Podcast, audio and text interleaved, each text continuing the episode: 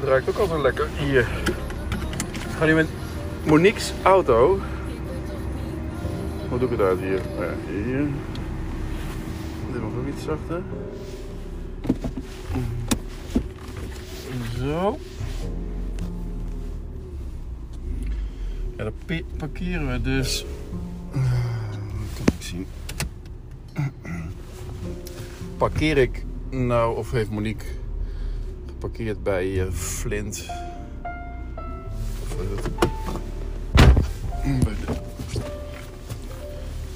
Bij de, Valk, zoals het oude. Zoals die ook op oude, oude printjes heet. De Valk. Ik ga rechtsaf even een kleine omweg maken. Met Lola naast me. Dus wat een Renault Clio.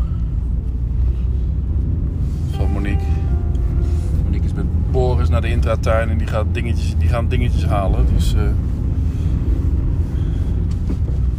wij gingen even eh, lekker eh, uit. Net de nieuwsbrief verstuurd. Ja, dat ga ik toch inderdaad op deze manier doen. Dat kost mij de minste tijd. Ik kan wel heel uitgebreid.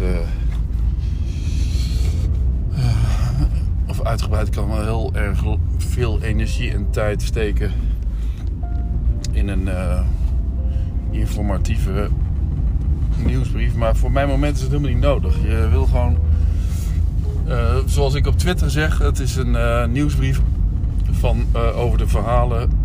Een nieuwsbrief met de verhalen van de bloggers van mijn moment. Dus dan moet ik die verhalen die ik zelf mooi vind, die, die ga ik dan publiceren in, mijn nieuws, in de nieuwsbrief. Die naar 87 eh, personen gaat. En het is bijna december en nu, eh, ja, nu is het dus een beetje opwarmen voor iedereen. En eh, deze week, in de week of op volgende week zondag, ga ik de uitnodiging eruit sturen. En ik ga wat, denk ik, maar pin er niet vast, wat meer eh, nieuwsbrieven sturen. Eh, omdat het, eh, ja, december is gewoon de, de mijn moment maand. Dus dan ga ik ook de nieuwsbrief eh, wat vaker versturen. En niet zoals ik de laatste tijd gewoon niet heb gedaan elke, elke zondag. Dus ik heb vol- volgens mij precies een maand geleden mijn ene laatste nieuwsbrief eh, gepubliceerd. En ik zou eigenlijk, dacht ik, elke zondag publiceren. Maar ik denk, eh, ik doe het gewoon meer in december. En wat minder als, het, als, ik, als ik het ja, met moeite eh, vol denk te schrijven. Dus het gewoon niet ga doen. Dus vandaar. Ik denk wel ehm, dat het. Ik heb er vanochtend ook over nagedacht. Het is nu dus een andere situatie. Dus de site is vernieuwd. En dan krijg je dus dat er wat aanpassingsprobleempjes komen. Zoals ik bijvoorbeeld. even goed opletten. Zoals ik bijvoorbeeld eh, een keer heb gevraagd aan mijn nieuwsbrieflezers om zelf even in te loggen. En dan zelf even een nieuw wachtwoord aan te vragen. En dan krijg je een mailtje en dan kun je met het mailtje je wachtwoord veranderen. Eigen wachtwoord. Dan kun je in je eigen pagina, eigen account en dan ehm, vervolgens je profieltekst van ja, hoe je gezien wil worden. en Wat, eh, ja, een beetje je promotietekst. Wie ben jij? En wat doe je? En eh, waar ben je goed in? En hoe ziet je wereld eruit? Eh, Jos Rotman hier is. Weer herkenbaar, die blauwe grote auto. Lichtblauwe. Oh, maar Jos herkent mij niet, want ik heb een zwarte, eh, zwarte Clio onder de kont nu. Nou goed, dus ehm, dat viel een beetje tegen, dat, dat, eh, die reacties die erop kreeg. Of de eigen logins en de eigen aanpassingen van de profielfoto en de profieltekst. Die profielfoto's heb ik allemaal zelf weer met de hand eh, eigenlijk weer geknipt en als een, als een uh, screenshot opgeslagen en vervolgens uh, geüpload in, uh, in de bloggerspagina. kost mij eerlijk gezegd best wel veel tijd en moeite. En nou verwacht ik dus, dus als ik een uitnodigingsmail stuur met daarin de nieuwe instructies. Uh, ja, wat kun je dan verwachten? Dan, dan, mensen zijn gewend om mij een uh, A4'tje, geschreven A4'tje te sturen met uh, maximaal 400 woorden en, en een foto daarbij. Zoals altijd. Maar nu is dat dus anders. Nu kunnen ze eigenlijk gewoon inloggen en hun wachtwoord veranderen. En vervolgens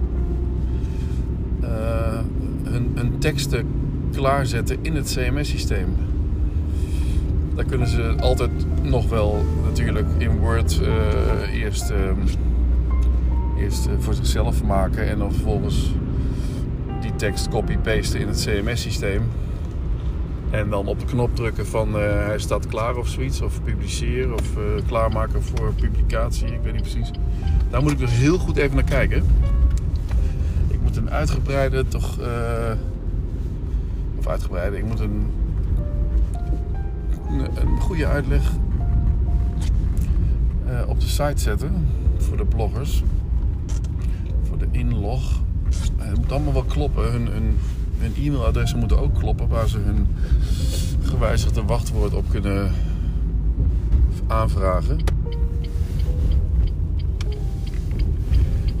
Uh, want anders komen ze er niet in en dan krijg je heel veel mailtjes. En dat is ook niet erg, maar dat kost, kost alleen maar energie en tijd.